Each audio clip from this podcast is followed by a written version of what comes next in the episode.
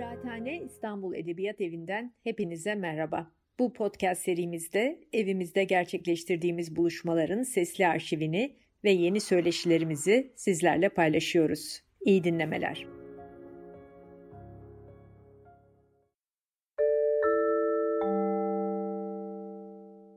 Herkese merhabalar. Ee, bugün hepiniz geldiğiniz için teşekkürler öncelikle. Ee, bugün sizin bildiğiniz gibi e, Sereyhan Özçelik'in e, kitabın toplu basımı gerçekleşti. 160. kilometre yayınları tarafından.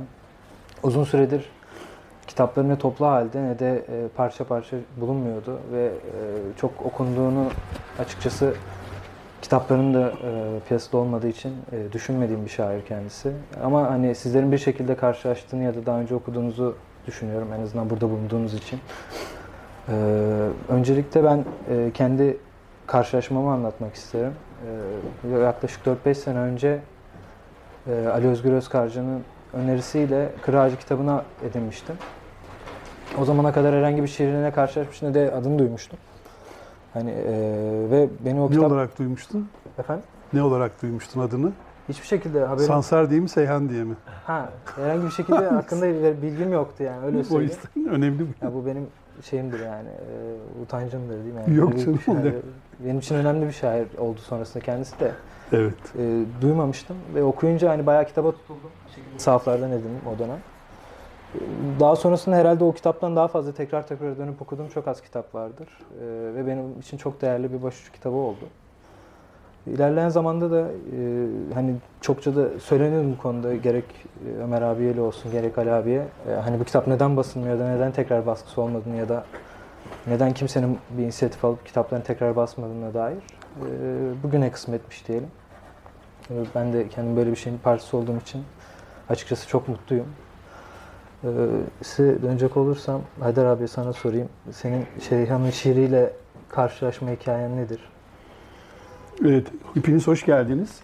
Önce burada tam bir eski fotoğraflar olur. Böyle Abdülhak Şinasi Hisarların, Tanpınarların siyah beyaz. Böyle bir toplanmışlardır. Heyet yani böyle işte ressam vardır, içinde müzisyen vardır, romancı, şair gibi. Burası da öyle bir heyet gibi yani şiir heyeti toplanmış ellerinde kitaplar. Büyük bir şairi anmak üzere diye. E, demin sordum ne olarak tanıdın? Sansar diye mi, Seyhan diye mi diye. Çünkü kitabı da var. Şehirde Sansar var. E, namı diğer Sansar. Yani Sansar olarak da daha çok bilinen birisidir. O yüzden sordum sana. Tabii. Seyhan Eresçelik e, bu sene 60. yılını kutlayacağız. Yani 60 yaşında bu sene 13 Mart'ta. E, 3 Ocak'ta kızımın doğum günüydü. Evet, Esma Sare'nin doğum günüydü. Hiç unutmam yani tarihi, 3 Ocak tarihini şeyin. E, 1983 yılında Üç Çiçek dergisini çıkardık. Tuğrul Tanyol ve Adnan Özer'le beraber. Yani kitap olarak çıkardık. O zaman tabii darbe olmuştu, sıkı yönetim vardı ve şiir e, dergileri falan çıkmıyordu. Şiir dergileri bile çıkamıyordu. Yani dergiler çıkamıyordu. Biz de onu şiir kitabı diye sonra çok yaygınlaşan bir yöntem oldu. Başkaları da çıkardılar filan. Öyle bir yöntemle işte polise, askere falan şey olmadan, e, bulaşmadan onu çıkardık kitapları. Bir büro tutmuştuk Çemberli Taş'ta. Çemberli Taş Kız Yurdu'nun karşısında. Çünkü o yıllar 1983 yılları özellikle Türkiye'de 12 Eylül askeri darbesinden sonraki büyük siyasi davaların yani büyük sol örgütlerin davalarının görülmeye başladığı yıllardı. O zaman büyük kitlesel örgütler vardı solun çeşitli fraksiyonlarından.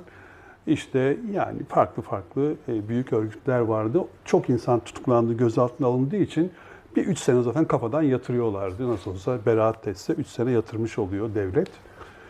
Ve siyasi davalar artık görülmeye başlandığı için o bile ortalığa biraz hareket getirmişti. İşte insanlar biraz şiire yönelmişlerdi, okumaya. İşte beraat edenler, tahliye olanlar, şunlar bunlar gibi böyle bir hareket olmuştu.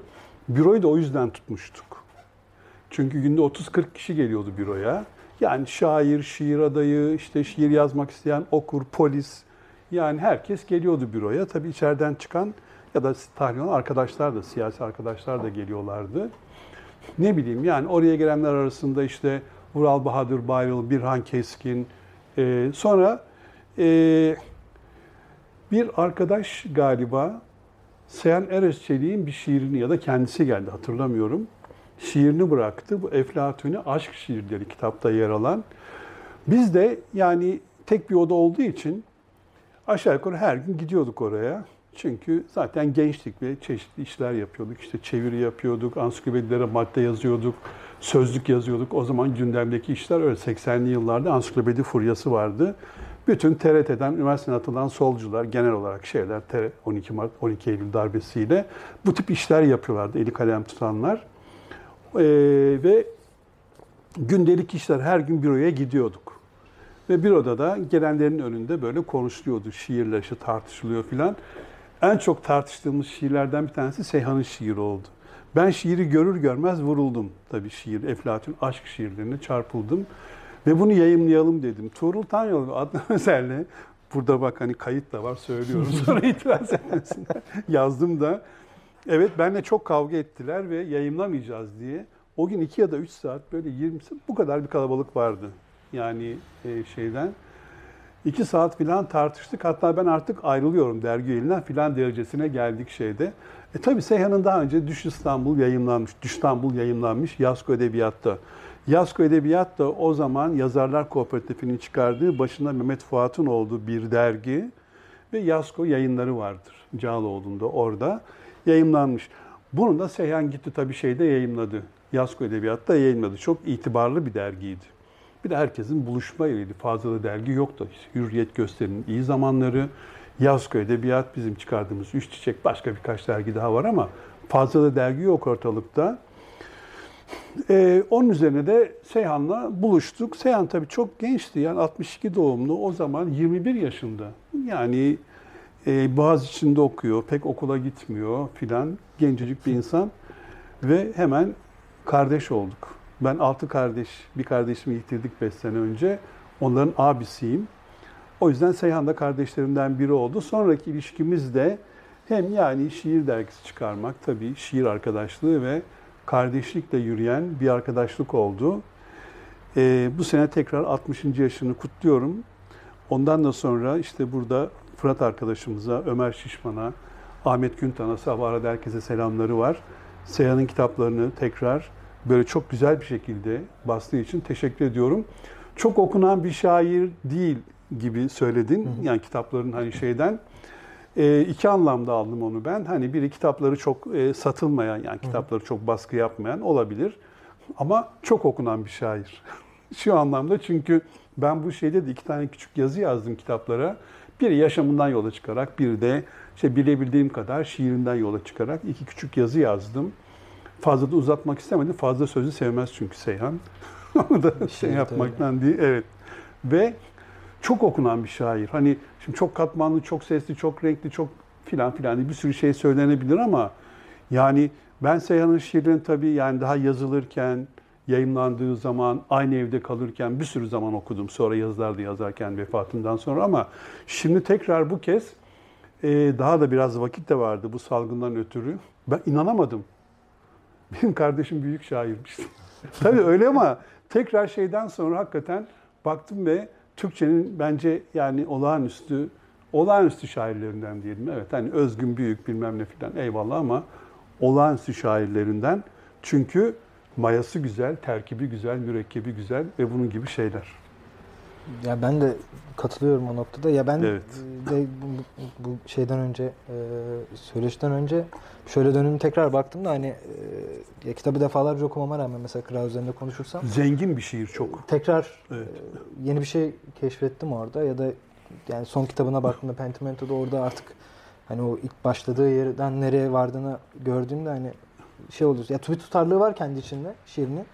Ama o tutarlı yani o başlangıçta aldığı noktayı nasıl bir yerden bir yere taşıdığını ve onu nasıl besleyip büyüttüğünü görmek bayağı ilginç bir deneyim oldu. O yüzden de bütünlüklü bir şekilde tekrar ele alıyor olmak e, güzel bir his. Bazen şiiri e, başka bir disiplinlerin, bilimlerin terimleriyle düşünmek de hani şey olabilir. Tesadüfen de olabilir. Ben de bazen çoğu zaman tesadüfen oluyor. Hani e, bu eskiden bilmezdik. Hani ne bileyim öğrenciyken hani şarap bulunca içerdik tabii. Ne öldüren? Köpek öldüren bilmem ne gibi. Şimdi de muhtemelen adı odur köpek öldürendir. Sonra biraz hani böyle e, hani iyi şarap içmek gibi de öyle bir tutkum da yok ama böyle şeyler okumasını severim. Hani böyle içkiler üstüne, böyle lezzet üstüne falan. Orada şaraplar tarif edilir ya dolgun, gövdeli bilmem ne gibi. Seyhan'ın şiiri gövdeli bir şiir. Yani tam olarak böyle hani katman onu söylemek istiyorum. Zengin aroması falan diye oradan çok katmanlı. Biraz da bunlar tabii reklamcılıktan da geliyor bu şeyler. tabii tabii evet yani bu çünkü e, aynı evde kaldık. E, ben askerden gelince, Astemenliği bitirince, burada aramızda var Asteğmen. Kıbrıs'a gitmiştim e, şey gibi, e, dil kurası çekip orada bir sene askerlik yaptım. Döndüğüm zaman da evsiz kaldım. Arkadaşım çıkmış evden. Vural Bahadır Bayrıl'la Seyhan Özçelik Uçak Savar semti var Boğaziçi'ne yakın biliyorsunuz. Orada bir ev tutmuşlardı. Ben de orada şey yaptım, oturdum, bir sene oturduk. Tabii bütün ev şiir atı dergileri, şiir atı kitapları, şunlar bunlar. Hadi örgüt sanıyorlardı bunlar bu kadar şiir örgütü falan diye. O zamanlar tabii öyle. Ee, oradan şey yaptık, orada birlikte oturduk. Ee, lafı unuttum, nereden geliyorduk biz buna? Ben önce reklamcılığa başladım. Reklamcıydım zaten, reklam yazarlığı yapıyordum. Arkasından Vural Bahadır Bayrıl'la Seyhan da başladılar. Tabii Seyhan hepimizi geçti. En sonunda onu söylemek için bunu söyledim. Yani e, az yaz. Şimdi onu diyecektim Ömer. E, Seyhan'ın mesela işte Asaf Alet için biliyorsun bir şart denemesi var. Çok uzun ve çok kapsamlı bir şey. Türkçe'de de yani tabii şimdi akademide bir sürü çıkıyor. Hani görüyoruz ama çoğu beş para etmez biliyorsunuz. Bu üniversiteden ne çıkar? Yani gerici ve faşist yani şeyler. Hep Türk dili edebiyat maalesef onlar. Bir bok çıkmaz oradan ama eskiden şeyden yani yazılan şeyler Seyhan'ın yazdığı başka birkaç şey Asaf Halit çok kıymetli şeyler. Seyhan çok az yazı yazdı. Seyhan'ın biraz e, tarzı şey gibiydi. Dağlarca gibiydi. Dağlarca da yazı neredeyse hiç yazmadı. Hatta geçen sene Yapı Kredi'den bir kitap çıktı. Karşı Düşünce mi ne diye. Dağlarca üstüne, Dağlarca düz yazıları diye. Ben de Dağlarca üstüne kitap yazmıştım. Merak ettim nasıl ya Dağlarca'nın düz yazısı var diye. Gittim aldım onu da şiirsel metinler olarak yazmış evet. neredeyse. Seyhan e, yazı yazmayı sevmezdi, düz yazı yazmayı. Bana da çok kızardı, çok yazıyorsun diye. Şimdi olmadığı için daha çok yazıyorum. Keşke olsa o kadar yazmazdım diye şey yapayım. Onun mesela övündüğü yazılar reklam yazılarıydı. Size tuhaf gelebilir. Ama yani biz işte üçüncü kuşak edebiyatçı reklam kuşağıyız. İlk kuşaklar Ferit Edgüler'dir. Türkiye'de işte reklamcı, e, yazar, reklamcı, şair kuşağı Ferit Edgüler'le başlar. İkinci kuşak Hulki Aktunçlardır. Hulki Aktunç, işte Güven Turan, Egemen Berköz'dür. Üçüncü kuşak işte Ahmet Güntan, Mustafa Irgat, İzzet Yazar, ben.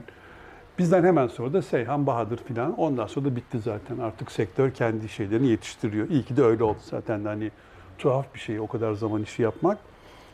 Ee, şey yapardı, reklam evinde çalışırdı. Ben başka bir ajansta çalışırdım. O zaman tabii bu şeyler yoktu. Hani bilgisayar, internet, fax vardı. Fax da artık şey gibi hani iletmek için yazıları. Neredeyse her gün Seyhan'dan bana fax gelirdi. Bir metin yazmış olurdu. Çünkü o zaman gazeteler çıkardı, dergilerin iyi zamanları, atıyorum işte Yeni Yüzyıl, Radikal, bunların çok okunduğu, yani 750'şer bin satıldığı zamanlar. Hepimiz orada yazıyorduk şeyde. Ve basın ilanları çok önemli. E basın ilanında da Hani iyi bir yazar, iyi bir şairsen tabii maharetini gösterirsin. Özellikle metinde. Yani başlık atmak da şeydir, zordur ama metin yazmak daha zordur. Onun bir bütünsel, hani nasıl şiir gibi yapısal bir bütünlük taşısın evet. dersek metin de öyle. Onları gönderirdi bana. Hala bende böyle o fakslar maalesef zamanla yazılar siliniyor. Şeyler gidiyor yazılar. Hala Seyhan'ın böyle o güzel imzası vardır. Ne onlar? Komili reklamları, komili zeytinyağı. Türkiye'de zeytinyağı mucizesinin ilk defa keşfedildiği zamanlar 1990 değil henüz. Yani 87-88 reklam evi de en parlak ajanslardan biridir işte. Yani Meltem Ağızkan'ın çalıştığı bu Serdar neydi çocuğun adı? Erener. İşte onların ajansı pek çok insan çalıştı. Seyhan da orada çalıştı. Ve e, komili metinleri yazardı. Onlarla çok övünürdü. Ama çok güzel metinler. Hakikaten de insan o metinleri okuduğu zaman Hani gidip zeytinyağını içmek geliyor içinden. Öyle metinler. İyi Nasıl olmuş hafız bir bak filan diye biraz da böyle şey konuşur. Kranta derler. Kranta lafını bilen var mı kranta? Ne demek kranta? Kranta. Çok güzel laftır. Kranta böyle kasabalarda olur daha çok. Yani eee, böyle onlar böyle takım elbise de giyer. Güzel giyinmeyi severler. Fötr şapka takarlar. eee, gravat takarlar. Eee, yani biraz da halleri vakitleri kasabaya yerindedir. Biraz politika da bilirler. İşte CHP'li veya Adalet Partili o zaman. Hani Demokrat veya Halk Partili o zamanlar şeyler. Biraz böyle bilmiş edası vardır ama gerçekten de bilirler. Onlara kranta derler. Seyhan da bir krantaydı. Seyhan tam olarak ben ona öyle derdim. Böyle tipi de zaten müsaitti yani o boyu, postu, hali, vakti. Böyle konuşması da biraz böyle bazen üstten konuşurdu. Bazen ders verir gibi konuşurdu. Ona ben gene krantalığım tuttu derdim. böyle şeylerdi. Tam öyle bir şeydi. Kalem efendisiydi. O kadar çok Seyhan var ki. Yani şey yaptığın zaman e, mesela bir tane Seyhan da burada da yazdım. Nasıl İskenderiye'nin kavafisi varsa İst- İstanbul'un da Sansarı vardı. Bu şeyi yani e, kavafisi okuduysanız zaten az çok anlarsınız, okumuşsunuzdur. Okumadıysanız Lawrence Durrell'in şeyi var, İskenderiye Dörtlüsü. Yani lütfen okuyun. Müthiş bir, müthiş bir dört kitap. Ülker İnce çevirisi, çok da müthiş bir çeviri. İki kere okudum. Orada bütün bu kavavis, başka insanlar, şunlar bunlar hepsi geçiyor. Şair odur zaten. Yani e, o kitabı bir gün okursanız, oradaki kavavise bakarsanız biraz Seyhan'ın da İstanbul'daki hayatını az çok e, şey yaparsınız, tanırsınız. Yani e, hani yaşadı ve yazdı. Ya bu çok basit bir laf ama gerçekten de onu yakından tanıyan biri olarak da bunu söylemek isterim. Ya o kitaplarımızda zaten şey görüyoruz yani o şey var işte e, şehirli insan ama ya bir- binlerce bir sürü karaktere bürünüyor yani bir kitap içerisinde bölümlerden geçerken ben bir bütün ya kafamda bekliyorsam da hani sadece bölümlerin bir kendi içine bütünlüyor bir de kitabın kendi bütünlüğü şeklinde ilerleyen bir şey var ama hani e, hep bir o şeyi görüyoruz. E, nasıl tarif? Araştırmacı şair. Şimdi öyle diyebiliriz tabii Seyhan Ya, için. ya izlenimci değil de direkt hani olayın baş karakteri. Mesela Yağmur Taşı kitabını yazdığı zaman e, Uluslararası bir reklam ajansının direkt şeyiydi, kreatif direktörüydü. Sonra bu Özal'dan sonra şey oldu hani bu açılım şeyler oldu ya Türk Cumhuriyetlerine falan böyle bir Türkiye'den hani onlar kardeş mi biz abiyiz hikayesi bir şey olmadı tabii de olmaz zaten. Seyhan'ı da e, nereye Kazakistan mıydı? Özbekistan'a gitti bir yere daha gitti. Ya Kazakistan ya Kırgızistan. Oradaki bu Amerikan ajansının işte başında kreatif direktör olarak gitti. Ve orada Yağmur Taşı kitabını yazmaya başladı. Yağmur Taşı'nın kitabını zaten burada da göreceksiniz. Çeşitli kültürler, çeşitli işte e, ne diyeyim ülkeler, çeşitli adetler, töreler neyse oradaki taşların şeyini anlatır. E, oradaki e, efsaneleri, oradaki inanışlar, inançlar, taşları öyle yorumlar. Yani o zaman cep telefonu çok yeniydi. Bende de bir tane vardı böyle kocaman bir şey. Seyhan arardı. İşte Özbekistan, Kırgızistan neresiyse ben Alevi olduğum için bana bizim Alevi inancındaki şeyleri sorar. Sizde taşlar nasıl şu? Ya ben bilmiyordum sonra öğrendim. yani dedim oğlum sen bana öğrettin. Hani biliyorum ama senin bu şiir şeyine, şiirde yer almasına yanıt verecek, sana yol açacak, yardımcı olacak kadar bilmiyorum diye gidip kitapları karıştırıyordum ki Seyhan'a böyle akşam arar diye korkumdan şey yapıyordum. Onu Ya o kitap da acayip Ha? ya. Bir kitabın bir tarafında böyle bazen işte açıklamalar var. evet. Bu tarafında da şiir var. Ben bayağı şöyle şok oldum hani. Ya bir insan neden taş üzerine şiir yazar ki diye ama Tabii bazen şöyle düşünmek lazım. Ya buradaki arkadaşların yani şairlersiniz, şiir adayısınız, şiir okuyorsunuz. Zaten burada olmak bile şiire sayılan bir şeydir yazmasanız da. İyi okur, şiir yazan kişi demektir benim kafamda. Bazı şairler şöyledir. Yani çok iyi şairlerdir ama aynı zamanda ders kitabı gibidir. Mesela Ahmet Güntan. Ahmet Güntan hani benim kuşağımdan arkadaşım Ankara'dan ilk kitabıyla da zaten o yani e, birden parladı. Hepimizin çok sevdiği, okuduğumuz, ezberlediğimiz, hatta Ahmet'i kızdıracak kadar sevdiğimiz şiirlerini filan bir dönem. Ama Ahmet yani şimdi nereden nereye geldi değil mi? Böyle şey gibi deneye deneye deneye deneye neler yapıyor mesela. En son hitapları yazdı. Seyhan da aslında bir bakıma öyleydi. Yani işte bu Yağmur Taşı olsun, Pentimento olsun, diğer e, kitap bitti olsun. Bütün bunlar aslında bir şiir ders kitabı gibi de okunacak kitaplar. Çünkü ben buna şey diyorum aynı zamanda şiirle düşünmek yani şiiri düşünmek, şiir düşünürü gibi. Yani Seyhan mesela hani bir Özlem İrince gibi, Hilmi Yavuz gibi, Ahmet Oktay gibi şiir üzerine çok yazı yazmadı. Böyle teorik kitaplar falan yazmadı ama bazen de bazı şairlerin kitapları da onlar da e, yeni bir şiir teorisi kurmada, bundan sonraki ipucu olmada yardımcı olacak kitaplardır. Seyhan'ın kitapları sadece sizlere değil, yani hayatta kalan, yaşayan bizler için de yani ondan daha büyük yaş olarak insanlar için de birer ipucudur. Yani Seyhan'ın öyle bir tarafı var. Mesela şeye benzetirim. Burada e, sonradan unuttuğumu fark ettim. Şeyi sayarken işte dağlarca gibi meraklı şunun gibi şey derken bir kişiyi unutmuşum. Cemal Süreya. Tabii yani hani şimdi aklıma geldi kitaba bakınca ama insan bazen unutuyor. Cemal Süreya neyi temsil ediyor? Cemal Süreya'nın çok okunmasının sebeplerinden belki de en başta sebebi şudur. Yani e, hani geçmişe ve geleceğe e, referanslarıyla iki şeyin ortasında duran bir şair. Hem geleneğin hem geleceğin ortasında durduğu için Cemal Süreya birinci yayında var, işte ikinci yayını zaten içinde ama folklor şiiri de var. Çok ince son şiirine, divan şiirine böyle göndermeler var. O sıcak nal güz bitkinde onlar da var filan. Ee, onlar da var. Cemal Süreya gibi erotik demek lazımdı aslında Seyhan için burada. Çünkü onu şey yapmadım ben e, söylemeyi unutmuşum. Seyhan da aslında bir bakıma e, neyi temsil ediyor derseniz yani şöyle bir şey söyleyeyim. İşte 80 kuşağı ya da 80'li yıllar şiiri diyelim. Osman Çakmakçı buradan kızmasın bize şimdi şey yapalım. Böyle ben şey yapınca, konuşunca. Şimdi ihtiyatlı Osman'ın karşısında diye. Şimdi 80'li yıllar şiirinde geç 80'ler diyelim, ikinci 80'ler işte Bahadır Bayrıl'ın, işte Birhan Keskin'in, Küçük İskender'in, Seyhan'ın e, kitapları işte yayınlandığı yıllar 86 filandır. Onlar da 82. yarısı ama 80'li yılların şairlerinden e, sayabiliriz. Onun özgünlüğü, Seyhan'ın özgünlüğü aynı zamanda bir tür Cemal Süreya'yı andırır aslında. Yani Seyhan'ın şiirine baktığınız zaman burada okuyacaktım ama gevezeliğimden kaldı. Eflatun aşk şiirlerine falan baktığımız zaman bir taraftan divan tadı alırsınız ondan. Bir taraftan şiirine bakarsınız Metin Eloğlu tadı vardır. Bir taraftan Asaf Halet'e gönderir. Yani pek çok e, şeyleri vardır, göndermeleri vardır Seyhan'ın. O yüzden şey içinde şiir olarak söylüyorum, tavır olarak olmayabilir.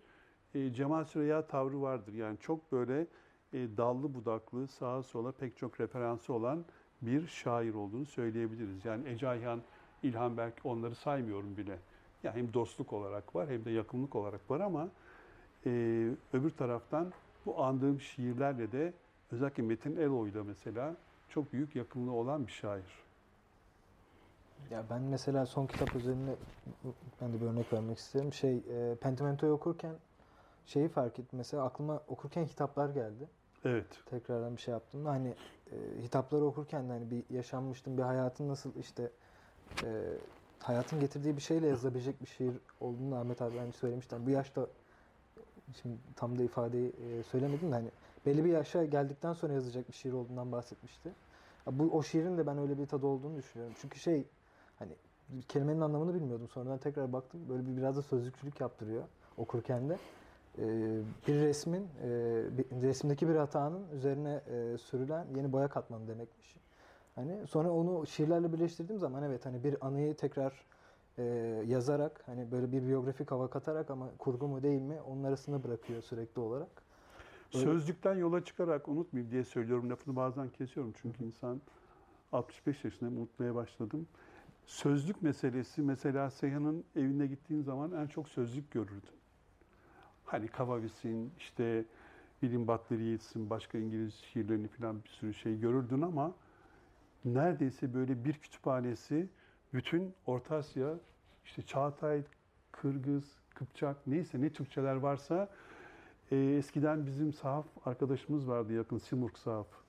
Bu hemen e, şeyin Pandora'nın karşı sokağında Haslun Galip Sokak, Galatasaray Kulübü'nün olduğu sokağın sağ tarafta Simurg Sahaf vardı. Orası çok enteresan bir yerdi. Orhan Pamuk da gelirdi, işte Özdemir İnce de gelirdi, İlber Ortaylı da gelirdi. Biz zaten giderdik arkadaşımız. Seyhan oradan en çok aldığı şey böyle taşırdı ellerinde koca koca Türkçe sözlükler. Bir, e, ülkesini çok seven bir insandı. Ve dilini çok seven bir insandı. Bunlar Marif'te okurken şeyde, e, Kadıköy Marif'te okuyorlar bunlar. Serdar Koçak'la beraber. Serdar Koçak için o deli derdi. Sen akıllı mısın derdim ben de Seyhan'a. Serdar ikisi çok yakın arkadaşlar tabii şeyden. Bunlar TKP'li o zaman ama eski TKP, 80 öncesi TKP'li onlar. Ee, böyle şiirlerinde falan zaman zaman onlara 1 Mayıs'a falan değinen şeyler olur. Ve Türkçeyi çok severdi. Yani o şeye bakın şiirlerinde hani hatalı bir şey bulamazsınız. Yani reklam metinlerinde de öyleydi. Türkçeyi ve e, ülkesini çok seven, yurtsever bir insandı Seyhan aynı zamanda. Ya yine şiirinde görülüyor bence o ya. Çünkü bir hani şiire o kadar hakim ol, yani dile o kadar hakim olmayan bir insan dili bu kadar e, pervasızca bozamaz yani. Yani Belki de o yüzden fazla yazmak istemedi. Dile çok dili çok sevdiği için olabilir bazen de insan tam ben tersine fazla yazmayayım hani insan ne kadar yazsa biraz bozar diye düşünmüş olabilir. Mümkündür. Olabilir. Olabilir tabii. Yani ya heceyi bile kendi içerisinde böyle sesini bölüp hani ondan bile bir şey çıkarabiliyor olması ben bayağı bir şey oluyorum ya okurken hani vay canına. Sürekli bir beni bir şoka uğratıyor açıkçası. Ee, bu şekilde şey yapamadım. Evet burada bir sürü tabii notları var Seyhan'la ilgili. Ee, saat ne kadar oldu? Yani şimdi şiir okumaya da vakitimiz kalsın. Daha konuşabilir miyiz? 3-4 dakika sonra şey yapabiliriz. Evet şeyde ee, tabii yakın çevresinden işte bahsettim. Mustafa Irgat, İzzet Yasar, Nilgün Marmara, Ece Ayhan, İlhan Berk, Cemal bolca Tommy Suyar. zaten. Tabii bu var. çünkü şeydi. Biraz önce Orhan Alkaya'ya gittim. Selamları var herkese. Ee, bu şeydeki eski Hatay meyhanesi vardır. Kadıköy'deydi. Şimdi Bostancı'da Cemal Süreyya'nın şey olan. Yani o yıllarda oralara giderdik 83, 84, 85, 86. Onlar şey masalardır işte Ece Ayhan da orada, Cemal Süreya da gelir, Edip Cansever de gelir, Can Yücel de gelir. İşte biz de gideriz yani daha gençler olarak. Sonradan Nilgün Marmara'ya gidilirdi. Nilgün evi Kızıl Toprak'ta olurdu. Biz orada yakınlar olarak işte 9-10 kişi işte birkaç, bir iki gün kalırdık orada Nilgün'ün evinde. E, fotoğraflar falan da vardır şeyde zaten sık sık sağda solda çıkıyor fotoğraflar. Orada da iki gün falan böyle bir taraftan içkiden bir taraftan şiir konuşulurdu.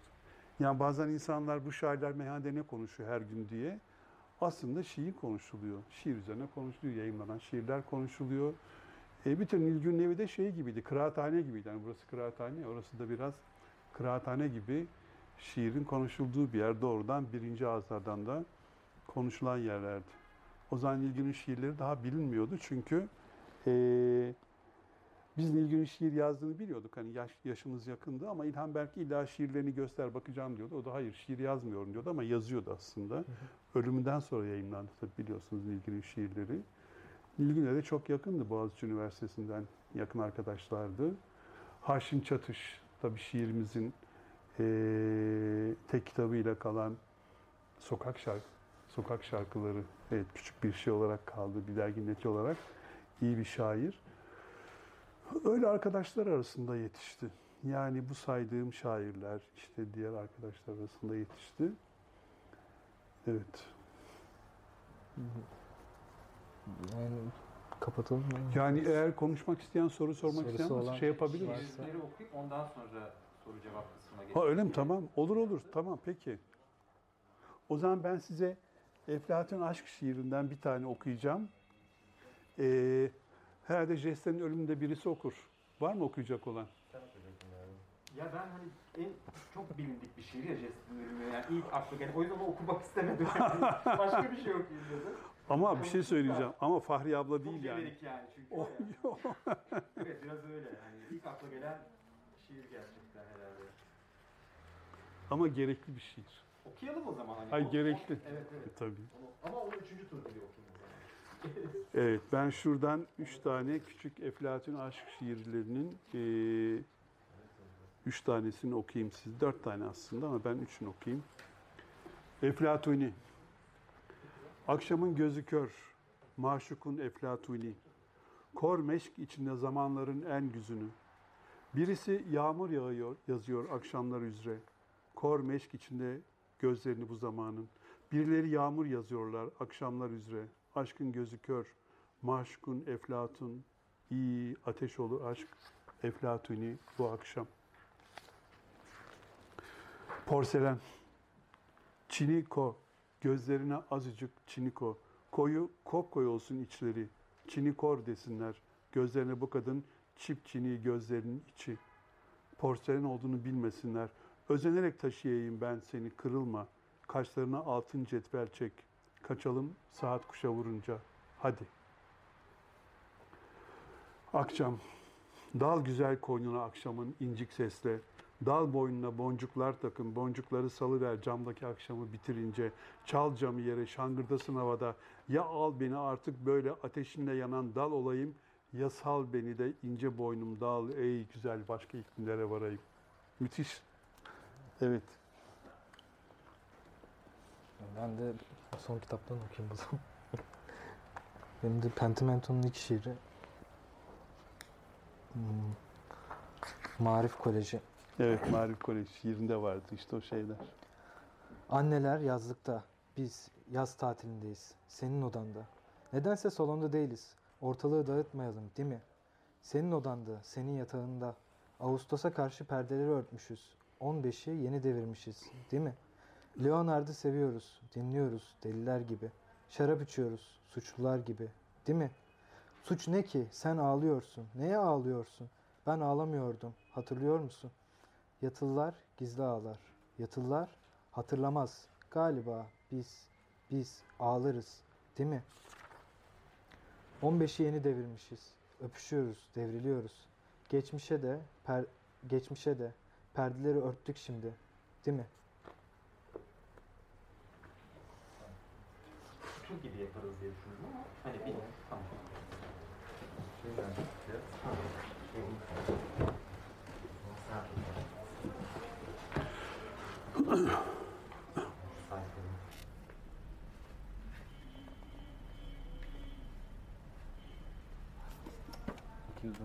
Yok yok önce öbür müsamereye da onun da sayfasını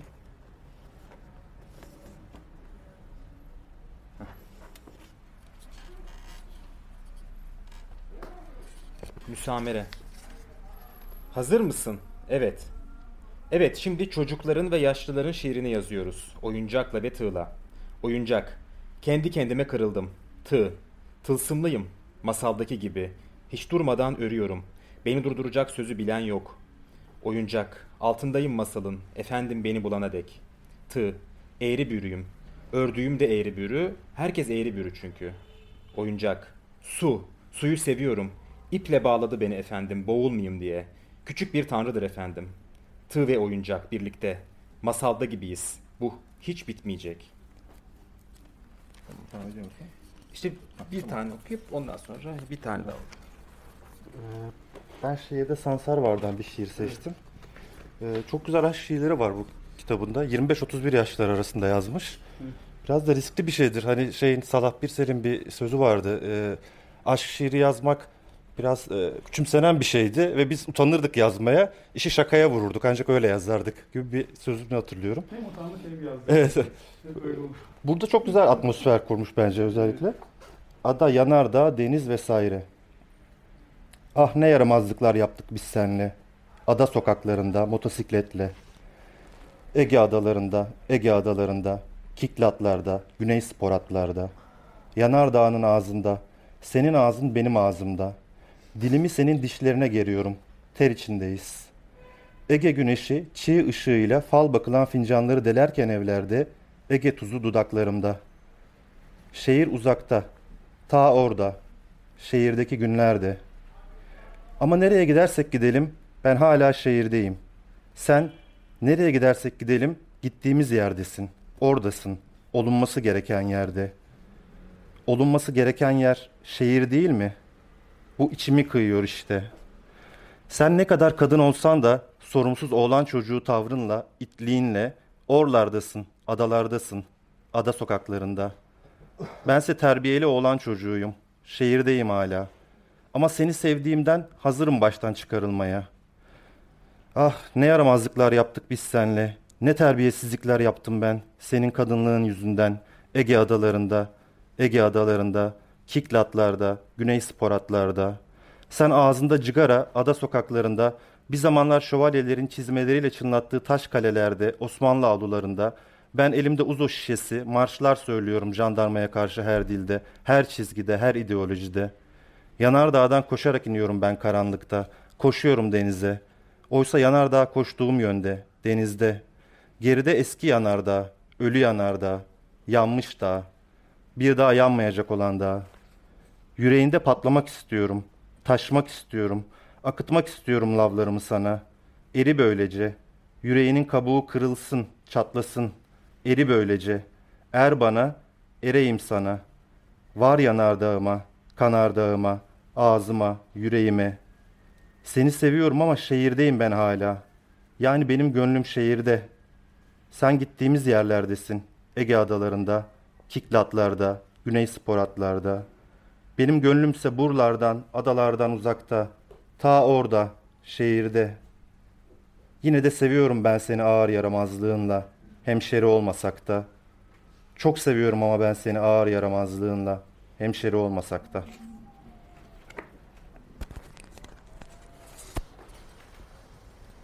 Merhabalar. Ben de Gül ve Telve'den okuyacağım. Ee, Gül ve Telve'de keşke ben yazsaydım dediğim birçok parça var. Ee, dördüncü parçayı okuyacağım size. Telven dışına sızmış, yağmur yağıyor.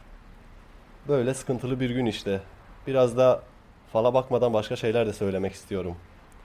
Her falda olmaz. Şimdi modada yürümek isterdim. Upuzun bir elbise giyip dans edeceksin. İspanyol dansı gibi bir dans. Elinde şal. Döne döne herkes sana bakacak. Herkesin ilgisini çekeceksin. Fal böyle diyor. Sonra bir yol açılıyor önüne. Güzel bir yol. Balonlar şişireceksin, uçuracaksın. Bir karga, daha doğrusu karga suretindeki deniz atı göğsünü ga- gagalıyor. Kötü bir şey değil bu. Sen iyice gagalaması için açıyorsun göğsünü. Sonra dışarıda yanı başında duran diğer sen sana bakıyor uzun uzun. Seni inceliyor. Birinin peşinden gidiyorsun zıplaya zıplaya. Balonlar havada. Üç tane sen. Dans eden, göğsünü açan ve seyreden. Hatta şarkı söyleyen. Yine uzun elbisenle. Ufukta gün doğuyor. Hilal yine var. Yazamayacağım şeyler de var. Olur mu?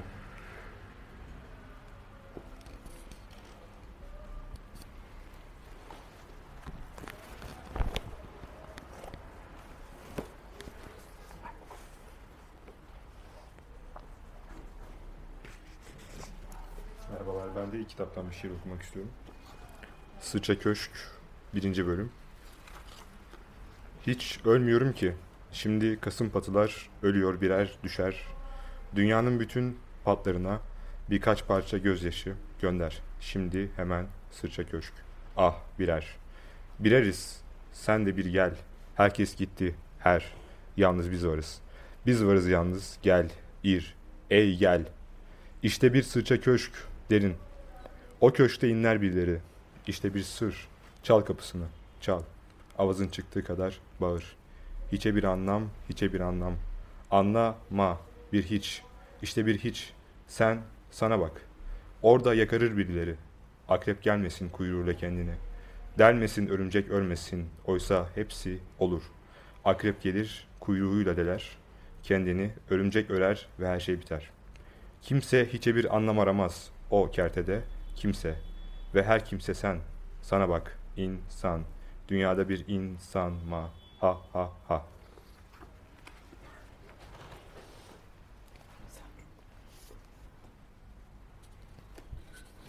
İki tane okuyacağım. Şehirde Sansar Bardan yine e, şey şeytan aldatması. Taştan çıktı. Bir ışıktı, geldi bana çırılçıplak, sokuldu, bembeyaz. Gözleri çok parlıyor. Soruyorum. Gözlerin çok parlıyor. Benim canım çok diyor. Birden çok canım var benim. İkimiz de canımızı atladığımızda ben ölüyüm, o yaşıyor. geriye kalan canlarıyla. Bir de Haydar abi istediği için kıramam. Jestlerin ölümü.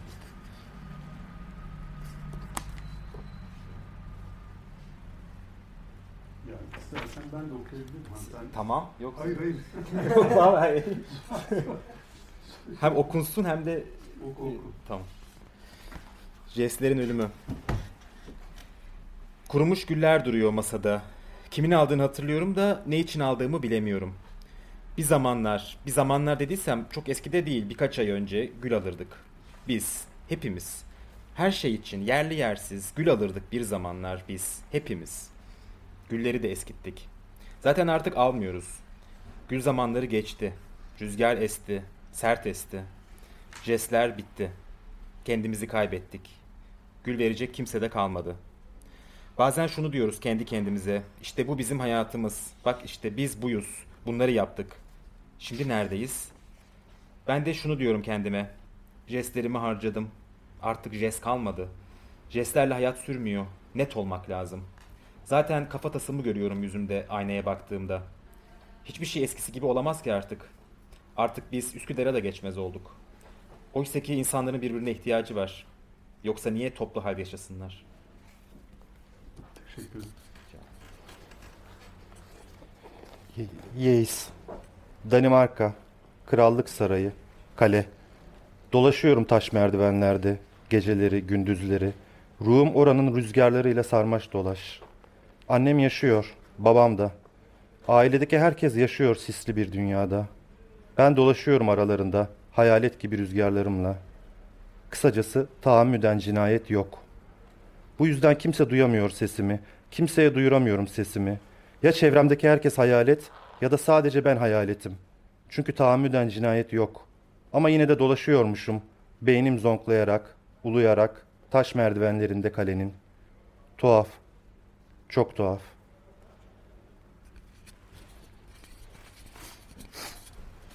Ya, Gül ve Telve'den bir de üçüncü parçayı okuyacağım. Maske takıp karışıyorsun kalabalığa. Hayvanlarla insanların bir arada oldukları bir kalabalık. Kanatlı bir cüce yahut cüce bir melek seyrediyor her şeyi. Ellerinde balıklar ve kuşlar var. Atıyor kalabalığın üzerine. Kuşlar uçuyor. Balıklar insanların gözlerine dalıyor ve yüz- yüzmeye başlıyor. Solungaçlar insanların irislerini yırtıyor. Uçan kuşlar ateş topları kusuyor. Kuşlar kötü, balıklar kötü. Kanatlı cüce yahut cüce melek o da kötü. Sakın kendini maskeyi takma, kalabalığa karışma. O italik kalabalığa karışma. Kalabalıktaki insanlar ruhlarını karıştırıp kukla oynatıyorlar gökte. Aydınlık bir, aydınlık bir mesafeden rüzgar gibi biri geliyor. Rüzgar gibi gelmiyor. Yani zarf değil. Kendisi rüzgar gibi. Duruşu, bakışı her şeyiyle. Dağıtıyor kalabalığı. Kuşları, balıkları, ateş toplarını, kanatlı cüceyi yahut cüce meleği. Senin kalbinde de iyi yürekli bir horoz ortaya çıkıyor. Doğuyor içine. Masal gibi bir fal işte. Bir de kazancı yokuşu okuyacağım. Gözlerimiz kanlı, Mayıs'mış, hayat nerede? Mayıs yetti, yediymiş, 900. Gücenen bin. Dokuyor, kaç kişiymiş üzülen? Bitti mi Taksim? Hayat bitti. Ölürmüş cana kan, kan, yaşarmış. Yaşasın Cumhuriyet. Gözlerim kanlı, ılık, kirli su. Var, dağılıyor kalbimi. Neredeydi ölüm? 1907, 77, Cucu. Mayıs'mış. Mayıs'ın hangi birinden gelir Cumhuriyet? Gözlerimiz kanlı, oy. Bir de Bartınca yazdığı şiirler vardı son e, kitaplarında. Evet çünkü Bartınlı ve e, Bartın onun için yani memleketini çok sevdiği kadar kentini de çok severdi. Şey, yağmur taşında. İlk tanıştığımız şeyde yani 83 senesinde o yaz Bartın'a gidelim dedi bana. Daha yani bir ay falan olmuş. Ben de Eskişehir'e gidemiyordum memleketime yani çok yoğun çalışıyorum. Dedik sonra gideriz. Sonra bizi götürdü. Yani şey yapmadan mutlaka götürdü Bartın'a. Ee, birlikte böyle bir Bahadır, ben, Pelin Batu, işte İlmi Yavuz falan gittik. Tabii sonra vefatından sonra tekrar anma yapmak için. Bu şeyde Ömer de şiir okurken orada orlarda falan diye yazar ya. Hani bu Anadolu'nun çoğu yerinde geçer ama bazı şiirler mesela e, Seyhan'ın son şiirleri tamamen Bartın ağzıyla yazılmış şiirlerdir. Öyle konuşmayı da çok severdi. Ben de bir şiirinde ona öyle bir selam vermiştim. Ee, Şurada bir şiir var. hangisiydi? Bartın Durum soruyor. Bakın. ben okuyamam ama. yani o tabii çok güzel okurdu. Bartınlı bir Rum soruyor. Kusura bakmasın Seyhan buradan okumaya çalışayım. Oturu var yoduk, konuşu var yoduk. Irmak kıyısından haç atı var yoduk. Ne oluvardı ki? Bize gidi dediler. Ağlaya ağlaya gidivedük. Mezarlarımızı taşıyamadılar. Oraya gavur taşı diyorlar. Okuyamıyorum. Ana muyu, baba muyu, dedemi kemikleri ollada hala duruyor. Duruyor mu? Duru var ya mı? Kavşak suyu yok mu anam? Böyle şiirler ama e, kendisi bunları çok güzel okur tabii. Bartınca şeyiyle. E, Bartıncayla. Evet. Ya benim de kız arkadaşım Bartınlı. Evet okutalım o zaman. Yok ya. Şey e tabii. Biz böyle şey gibi e, Ben de ona sormuştum böyle bir konuşma var mı diye de onu okudum sesli. olmaz mı? Seyhan konuşuyordu öyle. Evet böyle konuşuyor. Annesiyle falan da öyle konuşuyorlar biz gittiğimizde. Evet. Ha tabii bak Hüseyin Kalyan da evet burada. Sadece Bartın'da değildir. Zonguldak, Bartın ve Düzce, Kastamonu komple bu şekilde konuşuyor. Biz Bartın'ı tanırız. Seyhan'dan ötürü diyorum. tabii. Ya ben çok yabancılamadım. Yani bizim de ben de Karslıyım. Azeriyim. Ee, Ee, biz bir evde hani şey hani o şiveli konuşma olduğu için hani bir şiveyle karşılaşmak çok şey gelmedi bana yani olabilir. o şi, şeyle Sesli Azeri'de okuyunca sadece garip geliyor kulağa ama. Lale Müldür'ün bu banyosu var. Biliyorsun. Yani o tam böyle şeyle Azeri şeyle yazmıştır. Müthiş bir şiir. Seyhan'ınki tabii Bartınca. Neyse ben ona Bartınca diyorum. O da kendisi Bartınca diyordu. Evet biz Bartınca diyebilelim. Onun şeyde. Evet. Ee, var mı Seyhan'la ilgili e, konuşmak, değerlendirmek, bir şey sormak isteyen konuşalım. Ya da yani şiir mi okuyalım ne yapalım? Buyurun. İsmail Bey, şiirlerde çok hafif bir şekilde bırakıyor. Ya bir smaç duygusu ya da bir gösteriş yap, yapmıyordu e, şiirlerin sonunda şu an e, okuduklarınız için söylüyorum. Bunu, Evet.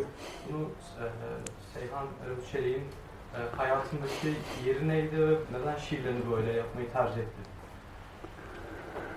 Ee, bir hangisiydi kitabın bir tanesi hep şey diye biter. İşte böyle, böyle böyle diye biter. Yani şeyler. Ee, galiba herhalde şiiri yani bitirmek diye konuşulur. Yani çok, en çok insanlar böyle şey klasik şiirde işte şiir nasıl bitirilir falan diye. Belki de e, duygusu tamam olduğu zaman bittiği yerde hani o kaldığı yerde bitiyordu diye düşünüyorum şiirler. Hafifliği oradan geliyor olsa gerek. O şeyleri de o hangi kitapta hatırlayamadım. İşte böyle böyle dediği yerlere kendince bir kalıp buldu ve öyle bitirdi. E, benim bir tane şiirimi çok severdi. Bahçeli Rivayet diye uzunca bir şiirdir. Ben çünkü o şiiri yazdıktan sonra en sonunu Seyhan gibi bitirmiştim. İşte böyle böyle böyle diye. Dedim niye sevdiğini biliyorum. Çünkü orasını seviyor ama şiiri de sevmiş oldu öyle. Ee, belki şiiri yani aramızda hani en fazla ciddi alan demek tabii tuhaf. Ya ama çok ciddi alan birisiydi. Yani başka şairler de tabii ciddi alan.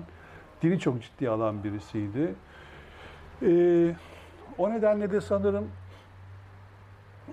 ee, hani tıpkı yazıda olduğu gibi çok da uzatmak istemezdi. Zaten giderek şiirler biliyorsun şey olarak da kısalmaya başlamıştı. Ee, sözcük sayısı olarak, uzunluk olarak da. Ee, çok çalışırdı şiire. Yani şiire çalışan birisiydi. Tabii doğaçlama değil. O nedenle de sanıyorum o kifayet duygusu, yeter duygusu belki, yeter, yeter duygusu var. Yani yeter duygusu nedir? Ee, tamam duygusudur. Tamam duygusu yani şeyden gelir, Bektaşi felsefesinden gelir. Orada şey yoktur hani e, tamam bir şey bitti, şöyle oldu, böyle oldu filan değil. El verir duygusu, kifayet eder, yeter duygusu. Der ki Bektaşi babası tamam der. tamam dediği zaman o iş bitmiş olmaz aslında ama o kadarı el verir. Seyhan'ın şiirinde de biraz o duygu var. Yani hani el verir duygusu, tamam duygusu. Belki bitmemiştir ama yani o yeterli, yeter duygusu. Öyle düşünüyorum yani şiirler için. Buyur Hüseyin. Benim kanaatim de şu hocam. Aslında Evet. tamam olmayacağının e, olmayacağını müdrik, et, et, müdrik Evet. olan birinin duygusu gibi. geliyor. Evet. İkincisi agresif, agresyon hiçbir tarafında yok zaten. Zarafet onun belki aksiyon aracı gibi geldi bana. Yani zarif bırakarak. Oysa ki orada çok dikkat edilebilecek şeyler var. Bartınca da bir şiir, muhteşem bir şiir. Ne oldu ki diyor mesela. Orada alırsan alırsın o şiirden. Yoksa hiçbir şey almazsın. Böyle yumuşacık geçerli. Aslında çok sert bir şiir bence. Sadece e, teknik yani araç olarak zarafeti kullanıyor. Muhtemelen mizacının bir parçası diye düşündüm ben. Evet, son dönemde e, yani siyasi şiirler diye yazıyordu kitabın sonunda da var. E, yani aslında sert şiirler onlar. Yani müdahale eden şiirler. Şimdi yaşasaydı kim bilir neler yazamazdı diye düşünüyorum. Yazabilirdi diye değil o sertlikte. Kim bilir neler yazamazdı. Yani öyle bir şiir diye düşündüm.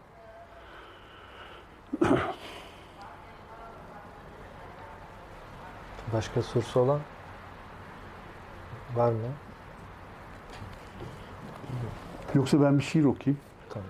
Öyle şey yapalım. Ee, şurada bir şiir vardı. Onunla kapatalım. Nilgün'ün göz taşı. Ha, şeyden, yağmur taşını. Ahşap bir kutu açtım. Öylece duruyordum ve bakıyordum bana. Göğermiştin, göz mıknatısıydın. Ne tuhaf içimde inanılmaz bir istek uyandırdın. Nilgün sakın ağzına sürme diye uyardığında ben çoktan dilimi değdirmiştim sana. Acıydın, acı. Şimdi yüreğimde bir taş. Evet. Peki. Teşekkür ederiz. Teşekkürler. Varlığınız için, katıldığınız için. Tekrar arkadaşlara teşekkür ediyoruz. Seyhan'ın kitaplarını böyle tekrar çıkardıkları için. Yani e, tabii Seyhan da biraz önce andığımız hani kendisi hakkında dağlarca Metin Eroğlu, işte İlhan Berk, Ece Ayhan, Asaf Halet e, diye hani onlar kadar meraklı, onlar kadar hevesli, onlar kadar renkli, onlar kadar çetrefilli, onlar kadar cinceviz bir sürü şey söylenebilir. İşte Seyhan da bence onlardan birisi.